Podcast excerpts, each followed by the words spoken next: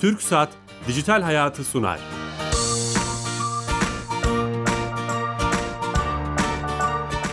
Herkese merhaba, ben Bilal Eren. Teknoloji, internet ve sosyal medyanın daha geniş anlamda dijitalleşmenin hayatlarımızı etkilerini konuştuğumuz Dijital Hayat programımıza hoş geldiniz. Her cuma saat 15.30'da TRT İstanbul radyolarından sizlerle beraberiz. Bugün e, aslında ebeveynleri ve onların çocuklarını ilgilendiren güzel bir konuyu değerli bir konukla konuşmak istedik. Dijital çağın çocukları da olarak adlandırılan alfa kuşağının takip ettiği, ilgi duyduğu şeyleri, hangi kitapları okuduğunu, hangi kitaplardan etkilendiğini konuşacağız. Kiminle taze kitap yayın yönetmeni ve yazarı Zeynep Sevde konuğumuz. Zeynep Hanım hoş geldiniz. Hoş bulduk. Şeref verdiniz. Teşekkür ee, ederim. O şeref bana ait. Sağ olun. Sizin deneyiminizden e, bu kuşağa tam da bu kuşağa kitaplar üretiyorsunuz. içerik üretiyorsunuz. E, sizin deneyiminizi konuşacağız ama önce sponsorumuz TürkSat oraya bağlanıyoruz. Türkiye Gov.tr'yi e-Devlet kapısını yapan kurumumuz. Hayatımızı kolaylaştıran kamu hizmetlerini dijitale aktaran bir servisimiz var. E-Devlet servisi. Onu işleten kurumumuz. Sami Yenice telefon attığımızda bir özelliği bize anlatacak. Sami Bey. Bilal Bey yayınlar. Hoş geldiniz yayınımıza. Hoş bulduk sağ olun. Bu hafta hangi hizmeti servisi bize anlatacaksınız? Evet, geçtiğimiz hafta E-Devlet kapısından sunmaya başladığımız bir hizmeti tanıtalım. Tamam. Mevduat katılım fonu hesabı bulunan banka sorgulama hizmeti. Nedir bu hizmet? Birazcık kısaca bahsedeyim. Ee, Bankacılık Düzenleme ve Denetleme Kurumu ile yapılan çalışmalar neticesinde entegre edilen bu hizmet kapsamında Türkiye Cumhuriyeti vatandaşı gerçek kişiler adına bankaların yurt içi şubelerinde açılmış olan tasarruf mevduatı niteliğindeki vadeli, vadesiz mevduat hesapları ile özel cari hesap ve katılım hesaplarının bilgileri, yani bu hesap var mıdır yok mudur e, bankada bu bilgilerin sunulduğu bir hizmet. Bu hizmeti E-Devlet Kapısı mobil uygulamasında kullanmakta mümkün. Bunu da e, dinleyicilerimize Evet çok önemli. Mobilden de girebiliyoruz bu hizmete. Evet. Ve pek çok hizmeti mobile de aktarıyoruz. Hı hı. Dinleyicilerimize E-Devlet Kapısı'nın sosyal medya hesaplarından takip edebileceklerini de hatırlatalım. Lütfen. Facebook ve Instagram'da E-Devlet Kapısı, Twitter'da e-kapı hesaplarıyla güvenli ve doğru bilgiye ulaşabilirsiniz. Her zaman ulaşabilirler. Çok teşekkürler. Emeğinize sağlık. Ben teşekkür ederim. Yayınlar diliyorum. Sağ olun. Teşekkürler. Evet TürkSat'a bağlandık. Yeni katılan dinleyicilerimiz için tekrar edeceğiz. Ee, taze kitap yayın yönetmeni ve yazarı Zeynep Sevde Hanım'la beraberiz. Alfa kuşağının e, kitap okuduğu, okuduğu şeyleri, nelere ilgi duyduğunu konuşacağız. Ama ilk önce şu tanımlamayla başlayalım mı? Şimdi bu alfa kuşağı 2000 so 2010 sonrası doğan çocuklara verilen isim olarak ekran kuşağı olarak da bazı yerlerde gördüm. Hı hı. Bu bu şeyi siz sizin deneyimize hem yazar hem yayın evi içerik üreticisi olarak bu, bu şeye katılıyor musunuz bu tanımlamalara? Katılıyorum. Yani tabii ki o kadar keskin sınırlarla belirleyemeyiz onu ama bir e, eskiden yani eski zamanlarda olan sınıf ayrımları gibi bir artık dijital sınıf ayrımından da söz etmek mümkün. Biz Y kuşağıyız. İşte bizden sonra gelen şu an 24 yaşlı 10 yaş arasında olanlar X kuşağı. Ee, özür dilerim Z kuşağı. Ee, şu an 2010'dan bugüne kadar ki çocuklara da alfa kuşağı diyoruz. Alfa kuşağı çocuklara kristal çocuklar da deniyor. İşte gök kuşağı çocuklar da deniyor. Ama en belirgin özellikleri bu teknoloji çağının yerlileri olması. Ay, daha doğrusu karnında şey anne karnından ellerinde tabletle doğuyorlar gibi bir böyle daha amiyane tabirle e, tarif edebiliyoruz onları. E, bu çocukların aslında özelliği şu hani çok böyle yakınlarımızda da görüyoruz. Ya çocuk 6 aylıkken ekranda böyle parmaklarıyla her şeyi yapıyor, her şey öğreniyor falan çok diye böyle evet bu çok konu, göz ve buna böyle şaşırıyoruz biz Y kuşağı olarak. bir şey olmadığı üzerine de çok şey konuşuluyor tabii. Evet ama bunu hani iyi bir şey, kötü bir şey diye tanımlayamayız. O zaman biz çocukken bizim televizyon izlememiz de yanlıştı. Hani şu an televizyon hepimizin hayatının parçası. işte medya hepimizin hayatının parçası dünya gelişiyor, teknoloji hayatlarımıza giriyor ve haliyle çok doğal bir şekilde çocukların da hayatının bir parçası haline geliyor. Yani çocukları tabletten uzak tutalım diye bir şeyin gerçekliğine ben inanmıyorum. Öyle bir şey söz konusu değil. Zaten hani her ne kadar teorik olarak bunun yanlış olduğu devamlı söyleniyor olsa da farklı kaynaklardan e, bireysel hayatlarımıza baktığımızda hangi anne çocuğuna yemek yedirirken veya bir şey yaparken eline tablet vermekten kaçınabiliyor ki hani e, bu artık bir realite. Bunu... Bir marketimiz hatta tablet tutuculu bebek masası Evet evet. E, yapmıştı. Yani bu Çok hani bundan şey yapamazsınız. Satılışa sunmuştu. Zaten sosyolojik verileri genelde teorisyenler değil. Hayatın kendisi biliyorsunuz belirliyor. belirliyor. O yüzden e, tabletler çok zararlı gerçekçi bir yaklaşım değil. Tablet var. Çocukların hayatında var. Te işte ekranlar var. Zaten bu çocuklara e, kristal çocuklar denmesinin sebebi de biraz o. Yani devamlı ekranla yüz yüzeler. Tabletin ekranı, telefonun ekranı işte bir şekilde dokunarak hareket ettikleri her şey. Mesela şey araçlarla ilgili bir misal vereyim. Bizim neslin arabası o sedan araçlar. İşte hı hı. şimdi marka vermeyeyim.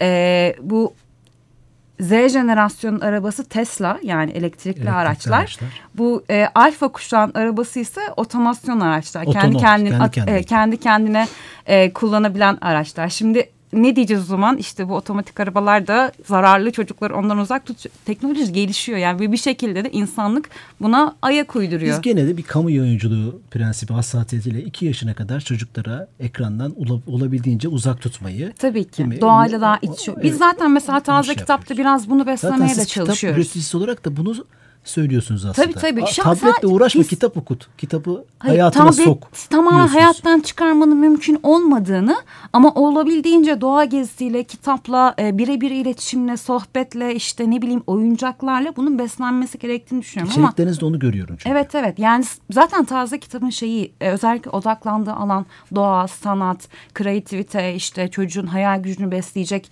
konular vesaire. Bunlara mutlaka özen göstermeye çalışıyoruz. Yani ürettiğimiz her kitapta mutlaka bu saydığım özelliklerden en az ikisi üç, üç tanesi bulunuyor. Aslında güzel giriş yaptınız. Bugün aslında işte 8-10 yaşlarında olan bir kitleden bahsediyoruz hani hı hı. alfa kuşağı. Sizin de deneyiminiz ve ürettiğiniz içerikler işte tam olarak onlara bay, hitap bay, ediyoruz. Kabuk ve Ejder, Kafası Değişikler Atlası, Süper Defter. Hani baktığım zaman kitaplarınıza ve içeriklerinize e, dünyanın öbür ucu da var mı gibi. Dolayısıyla bu kitaplar hep bu yaş grubuna sizin deneyiminizde ve e, yaptıklarınızda bu kuşak bunlardan mı hoşlanıyor? O içeriklerinizden biraz bahsedelim mi? Mesela Şimdi şu taze an stüdyoda kitap, getirmişsiniz bir sürü evet, kitap. Evet evet getirdim. Aslında taze kitabı da yayın evleri arasında bir alfa kuşağı yayın evi olarak değerlendirebiliriz. Çünkü biz daha dört yıllık bir yayın eviyiz. Ee, ve tamamen bu alfa kuşağındaki... Hedef kitleniz de alfa kuşağı Tabii tabii biz alfa kuşağı olan çocuklarla birlikte tam zaten doğru konuyu gün çıkarmışız yani. evet e, tam olarak o kuşakla gün yüzüne çıktık ve o kuşağın e, okuma alışkanlıkları üzerinden içerik üretmeye başladık. Yani biz onlarla beraber doğduğumuz için de tam olarak hani alfa kuşağı ne okuyor sorusunun cevabını... E, çok iddialı olmamakla beraber kimse o kadar iddialı olamaz ama yakın bir cevap verebildiğimizi düşünüyorum. Ne okuyor? Aa, Şöyle mesela biz e, kurgu olan ve kurgu olmayan kitaplar diye ikiye ayrılır çocuk edebiyatı. Biz kurgu olmayan kitapları da yapıyoruz, kurgu olan kitapları da yapıyoruz. Ama bilgi veriyor olsak da yani bir kaynak kitap üretiyor olsak da bir kurgu kitap, bir öykü, çocuk romanı, işte resimli kitap üretiyor olsak da bu çocukların en öne çıkan özelliğini görsellikleri. Görsele tutkunlar. Hayatları tamamen görme yetisi üzerinden e, yönetiliyor. Yani kafalarında bu şeyi e, en öne çıkan Bizim duyu bu. Bizim kuşağımız da öyleydi. Bunun farkı Biz ne? dinliyorduk. Biz mesela şeyi hatırla yani bizim çocukluğumuzda e, radyo masalları vardı işte biz e, radyodan işte şeyleri hikayeleri falan dinlerdik. Bu çocukların dinlemek diye bir özel yani sen şu an mesela 8 7 7 8 yaşındaki bir çocuğa bizim çocukluğumuzda dinlediği masalları 3 saat dinletebilir misin? Dinletemezsin. Mümkün. Görsel olmadan mümkün değil. Onun bir şeye bakması, onun üzerinden bir şeyler hareket ettirmesi. YouTube daha etkili benim anlattıklarımdan. Evet ve şu da var. E, bu çocuklar dahil olmayı seviyorlar. Pasif olamıyorlar. Yani bunu, Aktifler Bunu kitapta devamlı. nasıl başarabiliriz? E, onu şöyle yapıyoruz. Mesela şimdi e, sanatçı burada ne anlatmak istemiş kitabından hareketle anlatayım. Bu aslında bir sanat atlası, bir sanat ansiklopedisi. Ben işte Y kuşağıyım. Benim çocukluğumda bu kitap muadil olan kitap bir sanat ansiklopedisi olurdu. Ne olurdu? Misal Da Vinci'nin tablosu olurdu bir sayfada. Altında da onunla ilgili bir bilgi olurdu. Puntus da hatta küçük olurdu yani. Biz onu okurduk, devam ederdik. İşte oradan Monet'in bir tablosuna geçerdik vesaire. Ee, şimdi öncelikle en başından şeyi konuyu kurguluyoruz. Mesela bu çocuklar bütün dünyaya erişim gücüyle doğuyorlar. Parmakların ucunda evrensel bir bilgi skalası var devam. Her an ulaşma yetil, yetileri var. O yüzden mesela atlaslarda şey yapıyoruz. Biz ansiklopedi yapmıyoruz, atlas yapıyoruz. Niye? Dünyayı kapsamaya çalışıyoruz. Yani yerel olmak diye bir şey yok artık. Bu çocuklar dünyanın yerlisi. Yani Avustralya'yı da biliyor. Üç yaşındaki çocuklar artık Avustralya'da bir şey biliyorlar. Yani tamam haritada gösteremez yer yön kabiliyeti, motor kabiliyetleri o kadar gelişmiyor ama İşte onun kangurusunun olduğunu veya Evet, orada mesela Avustralya çok güzel deyince- olduğunu Ah, gibi. Kesinlikle öyle. Oradan yani, görüntülere haiz değil mi beynin beyninde Avustralya ile ilgili görüntüler Evet. görmüş YouTube'da veya internette. Evet evet. Ee, ve sadece 3-4 yaşından bahsetmiyorum. Ansiklopedilerin yaş grubu tabii 7-10 yaş arası. 7-10 yaş arasındaki çocuklardan bahsediyorum. Bir de şu da var mesela bu çocukların çoğu uçağa da biniyorlar. Bizim çocukluğumuzda uçağa binmek mesela çok lüks bir şeydi. Yani hani bir yerden bir yere hareket etmek de ya teknoloji sadece şey de değil. Ee, tablet vesaire de değil. Çok fazla artık e, Değişik araçlara bizim- ulaşma yeteneğinin Evet evet olması. yani şey yer yön değiştirme kabiliyetleri çok daha ileride. Ee, Telefona sahip oluyorlar. Bugün ben tabii, görüyorum tabii. 6-7 yaşında Benim hayatıma telefon. akıllı telefon ben 20 yaşlarındayken girdi. E Hepimiz şimdi öyle. anaokulundaki çocukların Televizyonda eline bile telefon televi- var. telefon veren aileler biliyorum. Var, var. Ya bunun yanlışı doğruluğu ayrı bir konu ondan bahsetmiyorum. Şu an bir realiteden bahsediyoruz. O yüzden görsellik yetisine hitap edebilmek bizim için aşırı önemli. Ee, işte dediğim gibi dünyayı kapsayacak şekilde bir içerik üretmeye çalışıyoruz. Bu öncelikle içerik üre- üretirken e, en ilk sıraya koyduğumuz konulardan biri. Ee, ondan sonra görsellik aşırı önemli. Yani bir kurgu olmayan kaynak kitap yapıyor olsak da her tarafı eğlenceli ve dikkati eğer dikkati sağ tarafa kaydıysa o sağ tarafta onu dikkati tekrar konuya getirebilecek mizahi içerikli ondan sonra eğlenceli şeyler mutlaka ekliyoruz. Çok renkli. Onu- çok renkli. E, Çok renkli derken bu şeyden bahsetmiyorum ama yani böyle cafcaflı böyle simli mimli kitaplardan da bahsetmiyorum. Ee, şimdi bu çocuklar görselden diyor- diyoruz ama e, işte tabletten, telefondan veya bilgisayardan ulaştıkları evrensel içerikler o kadar da çirkin görseller değil. Bir renk uyumu her zaman var. Aslında e, bir nevi bir renk uyumu bilgisiyle de doğuyorlar. Televizyonlardan gördükleri bir renk skalası var, bir e, Kalite bir standartları mı var. Bir- yani? Evet evet bir estetik kaygıları var yani. Çünkü en iyisini görüyor. Değil mi? Yani Tabii, en tabii. iyisine erişebilen bir insan en iyi olmayan şeyleri ayırabiliyor ve hep en iyisini talep eder hale geliyor. Evet, Çok evet. kaynak olunca YouTube'da kaliteli bir ekran, kaliteli bir çizgi film, kaliteli bir animasyon neyse sizin kitaplarınızda veya çocuk kitaplarında bunu arıyor belki Evet. değil mi? İçeriği oluştururken dediğim gibi olabildiğince evrensel ve içeriği en öz şekilde sunacak ama yoğunluğu, e, derinliği olacak şekilde ayarladıktan sonra görselle ciddi bir özen göstermeye çalışıyoruz. Ama özeni gösterirken dediğim gibi bu e, nasıl söyleyeyim bunu? Hani değer eğitimi verecek şekilde çocuğu yontacak şekilde değil. Çocuğun dikkatini sadece o konuda tutacak ve o konunun eğlenceli bir şey olduğunu ona hissettirecek şekilde. Mesela sanat atlasında şunu yaptı. Sanatçı burada ne anlatmak istemiş kitabında şunu yaptı. Kitabı tamamen bir müze şeklinde kurguladık. Tasarımı ona göre yaptık. Çocuk kapağı açar açmaz eğlenceli bir müzeye giriyor ve müzenin içerisinde dünyanın bütün ressamları, bütün resimleri daha doğrusu dünyanın her yerinden birer ressamın ve birer Ulaşıyor resmin onlara. e, şeyi var, görseli var. Yanlarında işte o ressam, o resimle ilgili komikli şeyler söyleyen böyle küçük küçük çizimler var. E, renkli ama renkler mutlaka birbiriyle uyumlu. Da Vinci'nin e, bir Mona Lisa'sını kullanıyorsak o Mona Lisa ile uyumlu renkler kullanıyoruz sayfada. Ama her sayfaya geçtiğinde renk de değişiyor. E, işte tasarımcısını bulmak da zor. Yani bu kuşağın tasarımını. şimdi çocuk edebiyatı zaten Çocuk edebiyatı. mesela biz şey yaparken Türkiye'de ekibi böyle bir insan kurarken kaynağı var mı veya dünyada yavaş durumda? yavaş oluyor. Yani Öyle. 10 yıl önce çok zordu bu ama yavaş yavaş oluyor.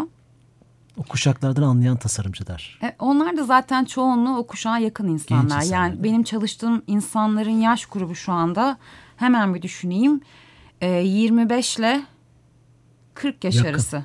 Aha, yani Ve giderek düşecek muhtemelen o ki o, tabii o şeyi tabii. Yani benim yakalayabilmek şu için. anda e, 98 doğumlu ekip arkadaşım var. Hani şey artık ne oluyor? X kuşağı şey Z kuşağı Z kuşağı kuşağı, oluyor, oluyor. E, ve herhalde yakında yavaş yavaş şey alfa kuşağında e, kayarız diye düşünüyorum. Çünkü alfa kuşağın daha erken iş hayatını atılacağını da düşünüyorum. Çünkü e, yaratıcılık anlamında bizden çok daha ilerideler. Şeyi söyleyeceğim. E, şimdi bu eskiden nasıl çok hatırlamıyorum ama çocuklara ne kadar bu alfa kuşağına ne kadar bilgi verirseniz verin onu ay bu benim işime yaramaz demiyor. Onu alıyor, özümsüyor. Eğer doğru yolla verirseniz, iyi görsellikle verirseniz. Şimdi mesela benim Bu ne demek? Şöyle şundan bahsedeyim. Mesela benim 5 yaşında bir 6 yaşında bir yeğenim var. Bizim Böcek Atlası diye bir kitabımız var. Böcek Atlası'nı okuyarak ve o böcekleri ve işte ağaç atlasındaki ağaçları da her hafta sonu doğaya gidiyorlar. O kitaptaki şeyleri göre göre büyüyor. Bir yandan işte onun tabletinde de ona uygun oyunlar var. İşte e, mesela böceği gösteriyorsunuz şeye ekrana telefonda. O böceğin özelliklerini sayıyor. Annesine gidiyor soruyor. Anne burada ne yazıyor diyor ve şimdi tabletten Vay be, çoklu bahçedeki evet tabletten bahçedeki böceğe bakıyor. Önceden kitapta onu okumuş. Annesine de onu okutuyor. Yani multitasking yani çok aynı anda çok iş yapabilmek denilen şey var ya. Alfa çocukların bence önemli özelliklerinden biri bu. Yani bizim eski biz çocukken ekranda böyle çok um, hani geleceğe dönüş müydü o evet, evet. orada İlk, falan ilk görüp kült filmlerden. bizi böyle hani böyle bir şey olabilir mi diye hani heyecanlandığımız şeyler şimdi bu çocukların hayatında. O yüzden bilgi öğrenimleri e, kafalarına verilerin girişi çok daha efektif, daha verimli şekilde gerçekleşiyor. Biz sadece bir sayfada bir resim ve bir yazı halinde o bilgiyi öğrenmeye çalışırken bu çocuk ekrandan oradan ona hareketli bir şeyler görüyor. Kendi bir şeye tuş, tuşluyor. O olayın içerisine dahil oluyor. Adeta bir profesör gibi oradan. kadar olumlu bakıyorsunuz. Ee, evet ben o çok yüzden içerik heyecanlıyım. çok he ben Genelde çok seviyorum eleştiriliyor ya bu çocuklardan bu zamanın çocuklarından. Bence Çok problemli şeyler mükemmeller. çıkacak. Bayılıyorum ben onlara. Gerçi çok da heyecanlanıyorum. Şeyi çok heyecanlandırıyor bir kere beni. Şimdi hem yakınımdaki çocuklardan hem de fuarlarda yüzlerce çocukla karşılaşıyorum. Hem yazar olarak hem yayıncı olarak veya işte kitapçılarda yaptığımız etkinliklerde. Ve onların bizim ürettiğimiz içeriğe verdikleri tepkiler, sordukları sorular, o gözlerinin ışıldaması beni gerçekten heyecanlandırıyor. Ya çünkü mesela bunu bir 40 yaşında adama veya bir kadına gösterdiğinde verdiği tepki Hmm. diye böyle bakıyor. Şimdi şey göz ifademi göremiyor dinleyicilerimiz ama hani böyle Bu biraz daha anlatıyor? evet eleştirel bakıyor. Ama 8 yaşındaki bir çocuğun eline bu kitabı verdiğimde o kadar heyecanla ve onu böyle içine çekmek istercesine sayfaları karıştırmaya başlıyor ki ondaki o e, bilgi alma kabiliyetini görmek e, beni umutlandırıyor haliyle. Bir de şu da var. Çok konuşuyorum ama. Çok iyi. Konuşmanız için sizi davet ettik. Çok iyi yaptınız. Ee, şu da var yani sadece bilgiye açık olmaları değil. Bu çocuklar bize göre e, sosyolojik veriler anlamında da daha ilerideler. Mesela bizdeki kadın erkek ayrımları onlarda o kadar da yok artık. Yani bu e, işte birinci akım feminizm, ikinci akım feminizm, üçüncü akım feminizm derken şimdiki çocuklara baktığınızda okuldaki onların ilişkilerine falan baktığınızda e, cinsiyet ayrımcılığı diye bir şey onlarda henüz yok ve olmayacak da. Çünkü zaten dünyadaki o e, eşitlik algısı çok daha yerleşmeye başladı. Yani sadece teknolojinin ilerlediği bir yere değil aynı zamanda e, hakların, adaletin, demokrasinin, eşitliğin de daha ileriye gittiği bir dünyaya doğdular. E, bu yüzden hani sadece... Daha iyi, bu başka bir tartışma konusu ama Evet. acaba daha iyi mi gidiyor? Bunu da başka bir programda şey konuşmak anlamında lazım. düşünün ama mesela 20 O yıl çocuklar önce... bunu getirecek demek başka 20 bir yıl şey önce ama. tartışılmayan, konuşulamayan konular, ırkçılık, kadın erkek eşitliği, demokrasi, adalet vesaire bir konularda hani 20 yıl önce konuşulamayan her şeyi artık konuşabiliyor muyuz? Konuşabiliyoruz. Hani tamam çözüldü mü? Herkes her şeyi kabul etti mi? Bundan bahsetmiyorum. Ama şu anda bunlar tartışmaya açıldı. Şimdi ulu orta ırkçılık yapamazsınız. Ama 20 yıl önce yapıyordu herkes ve bu çok normalde kabul ediliyordu yani. Ee, Ortaya çıkıyor çünkü şimdi. Tabii tabii etnisite konusundaki düşmanlıklar, ayrılıkçılıklardan geçtim işte beyaz siyah ayrımı vesaire işte doğulu batılı ayrımı bunlar artık tartışılıyor ve insanlar birbirlerine işte ırkçılık yapmayan bir insan, ırkçılık yapan bir insana sen ne kadar kötü bir insansın. Hani şu an çok kibarca bunu ifade ettim tabii. Bunu diyebiliyorlar. Şimdi bu çocuklar bunların tartışılabildiği bir dünyaya doğdular ve neyin doğru neyin yanlış olduğunu anlayabiliyorlar. Çok erken yaşta bu gündemlerini almış oldular bu Evet. konuları. Mesela sen ben çocukken bu tartışmalar yoktu. Bunları bilmiyorduk. Biz bunları büyüdükçe, biraz sosyoloji öğrendikçe, siyaset öğrendikçe Orta öğrendik. kurumunda siyaset tartışıyordu çocuklar. Kulak misafiri oldum. Evet evet. Yani e, bayağı ciddi ciddi büyüklerin konuşulacağı konuları. Tabii şey de var mesela içerik üretirken tamam işte kurgu olan kurgu olmayan kitaplar falan diyorum ama mesela şimdi içerik üretirken eşitliğe dair kitaplarda çok var. İşte e, demokrasiye dair kitaplar da var. Irkçılığın ne kadar saçma bir şey olduğuna dair çok kitap var. Yani e, çocuk kitabı derken artık sadece masaldan artık derken yani 20 yıl, 20 yıl önce olduğu gibi sadece bilgi öğreten, sadece değerler eğitim veren, işte sadece e, Mesaj verme kaygısı olan mesaj kitap. verme mesaj verme kaygısı biraz e, nereden baktığına göre değişen bir şey. E, mesaj verme kaygımız her zaman var tabii. Yani bir, bir kitap üretiyorsak, bir eser üretiyorsak her zaman bir kaygı orada var. Mesajı veriyoruz. Ama bu mesajı artık Şimdi 20 mesela şey oluyor genelde sosyal medyada işte şu masalda şöyle bir şey var. İşte ne kadar kötü çocuklarımızın işte zihnini bozuyor. İşte bu kadın erkek algısıyla ilgili şeyler. işte cinsiyetçi. Zaman zaman öyle zaman, evet, çıkıyor. Evet. Şimdi aslında o kitaplar bu arada yayınlanmıyor. Bunlar genelde sahaflardan falan bulunuyor. Onların e, fotoğrafı çekiliyor. Aa ne kadar kötü çocuk kitapları yayınlıyorlar diye. Aslında orada biraz sansasyonel bir tutum var. Öyle kitaplar yok artık aslında. Şimdi zaten öyle kitapları Y kuşağı da çocuklarına almıyorlar. Şimdi e, Daha bilinçli oldukları Evet için. evet. Şimdi alfa kuşağın anne babaları Y kuşağı. Y kuşağı da X kuşağından daha bilinçli bir kuşak. Biz de e, dünyaya erişme gücüyle doğduk. İşte çocukluğumuzdan beri işte e, farklı ülkelere gitme şeyimiz var, özelliğimiz var artık. Yani çoğumuz bir şekilde ülkenin dışında bir şeyleri görmüşüz. Görmesek bile internetten ulaşıyoruz. İngiltere'deki bir gazetenin Tartışmaları görüyoruz. dil bilmiyorsak bile çevirisini görüyoruz. Her şeye ulaşma imkanımız var. E bizim çocuklarımız da hani biraz da bizim açtığımız kapıdan da ilerliyorlar. Yani alfa kuşağını tanımlayan tek şey onların teknoloji çağında doğmuş olmaları değil. Anne babalarının da aynı şekilde e, o O kültüre yakın o olmaları. kültüre yakın olmaları evet. Yani işte X kuşağı veya baby boomers denilen önceki kuşaklarda bu kadar açıklık yoktu. Biz de o çocukların önünü açtık. Hatta e, çocuk edebiyatı niye son 10 yıldır bu kadar gelişiyor sorusu hani sorulduğunda şeyi söylüyorum. Çünkü Y kuşağı yani o dünyaya erişim gücü olan kuşak çocuklarına kitap almaya başladılar. Çocuk edebiyatının çocuklara edebiyat vermenin e, ne kadar önemli olduğunu işte Amerika'daki, İngiltere'deki, Fransa'daki, işte Japonya'daki vesaire ülkelerdeki örneklerden göre göre bunları hayatına sokmaya başladılar. Çünkü çocuk edebiyat dediğimiz şeyin geçmiş ta 500 yıl önceye kadar dayanıyor. Çağdaş çocuk edebiyatının 200 yıl önceye kadar dayanıyor. E, Türkiye'deki çağdaş çocuk edebiyatını işte birkaç on yıldır konuşmaya başladık. E, nasıl Çok birden? içerik üreten Tür- Türkiye'de Şu anda mı? şu an çocuk Ee, alfa kuşağı için. Şimdi veya rakamları çok haiz değilim ama e, son Eskiye göre çok son iyi, değil 10 yıldır e, yani 10 katına falan çıktı. Hatta şöyle bir şey söyleyeyim. Bir, 2008 bir belediyenin çocuk kütüphanesine gittim. Devasa bir kütüphanesi var. Raflar tamamen çocuk kitapları dolu- doluydu. Çok şaşırdım. Hepsi Türkçe içerik. Yani çok içerik Evet var. çok ben de çok sayıları var bilmiyorum çok var. ama iyi bir- yani 2008 iyi bir yılında mesela kaynak var üretici galiba. kesinlikle bunu hep konuşuruz mesela 2008 İyi bir müşteri oldular size galiba. Bir de Teşekkür ederiz size Y kuşağı anne babalarına. öyle bir şey oldu. Bir de siz dünyayı da görüyorsunuz. Gidiyorsunuz fuarlara falan. E, Süper kahramanlar bu Marvel vesaire. Bu kahramanların kitapları, çizgi romanları, filmleri olduğu gibi onlarda da ya böyle bir süper kahraman şey mi var, trendi mi var? Öyle bir gözlemim var. Ee, bununla ilgili hani e, çok araştırma var ama sadece benim bildiğim kadarını söyleyeyim. Bu çocuklar şimdi görsel çocuklar oldukları için, görselliğe çok yatkın oldukları için çizgi romanın da tekrar o yüzden popülerleşmesi söz konusu şu anda.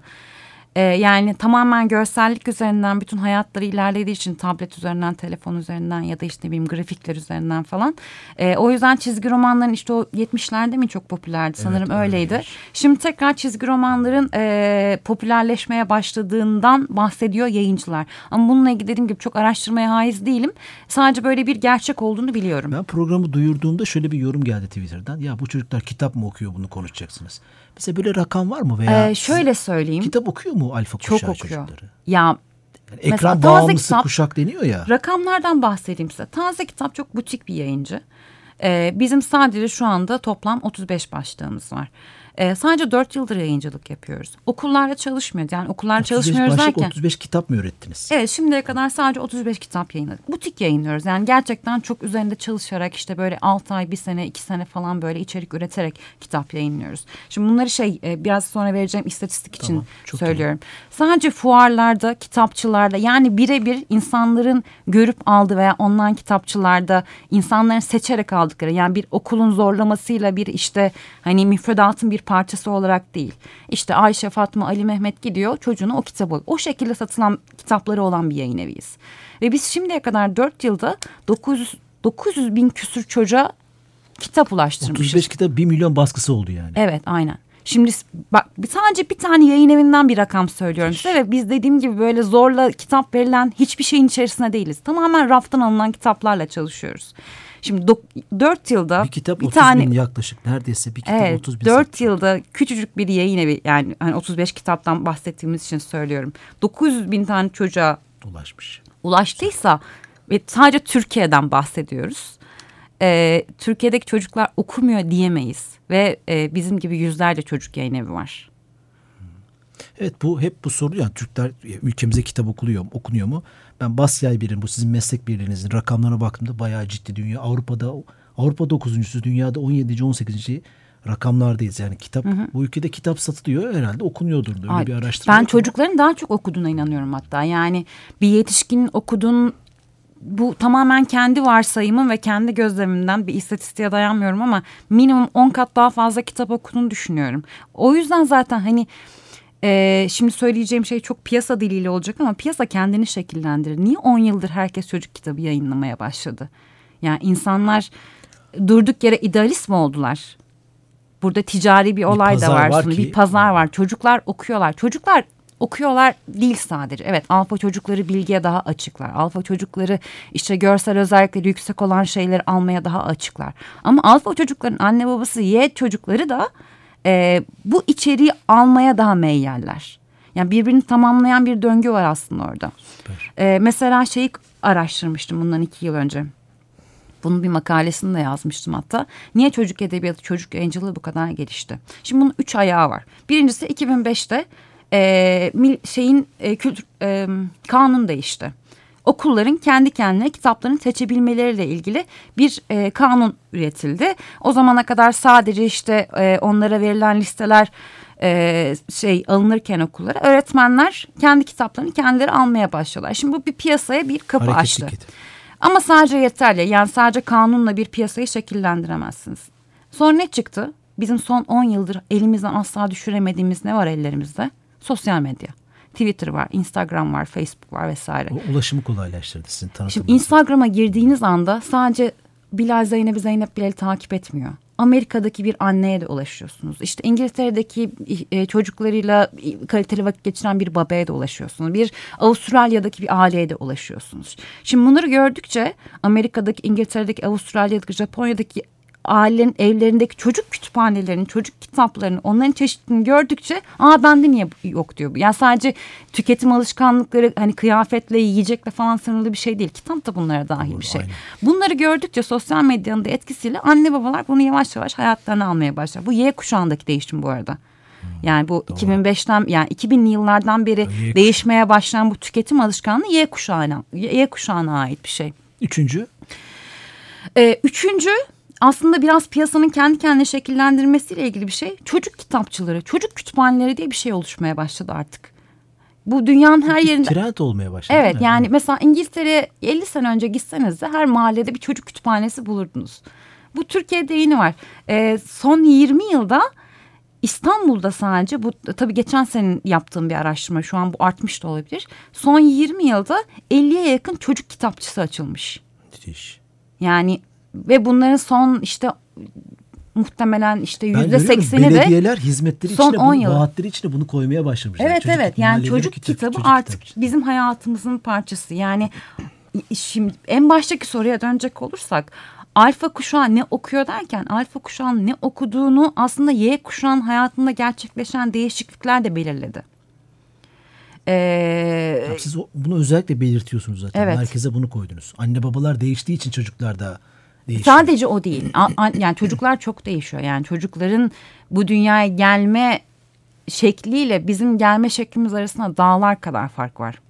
Ebeveynlere son bir dakikada ne öneriyorsunuz? Kitap Gerçekten seçiciliği- o kadar geçti Evet mi vakit? Kitap seçiciliği anlamında. Sizin üretiminiz, başka üretimler. Çocuk kitaplarını seçerken Dünya- birkaç trik verebilir miyiz? Dünya Ne örneği? yayıncılığını takip etmelerini öneririm. Yani Amazon, Barnes Noble işte e, kitapçıya mutlaka gitmelerini ve sadece çok satanlara değil kitapların arasında kaybolmalarını öneririm. Ve zaten kendilerinin gözüne estetik görünen şey muhtemelen çocukların da gözüne estetik gelecektir. Bir de tamamen kendi e, değer yargılarıyla, kendi tecrübeleriyle değil çocukların da e, estetik kabiliyetine güvenmelerini tavsiye ederim. Çocuk kitaplarının fiyatları ne durumda genelde? Ee, şöyle. Çok pahalı değil bildiğim kadarıyla. Dünyanın en ucuz kitaplarına sahibiz. Yani şimdi ben çok uluslararası yayıncılar çalışıyorum Avrupa'da işte Orta Doğu'da. Mesela daha dün Lübnanlı bir yayıncıyla beraberdik. Bizim burada yaklaşık 4 dolara sattığımız kitap onlarda 12 dolara falan tekabül ediyor. Lübnan'dan bahsediyorum bir de Paris bir değil yani. Güzel bir evet. haber. ee, taze kitap genel yayın yönetmeni ve yazarı, yayıncı Zeynep Sevdi Hanım'la beraberdik. Çok teşekkür ediyoruz. Ben teşekkür Harika, ederim. Bir sürü şey konuştuk kısa zamanda.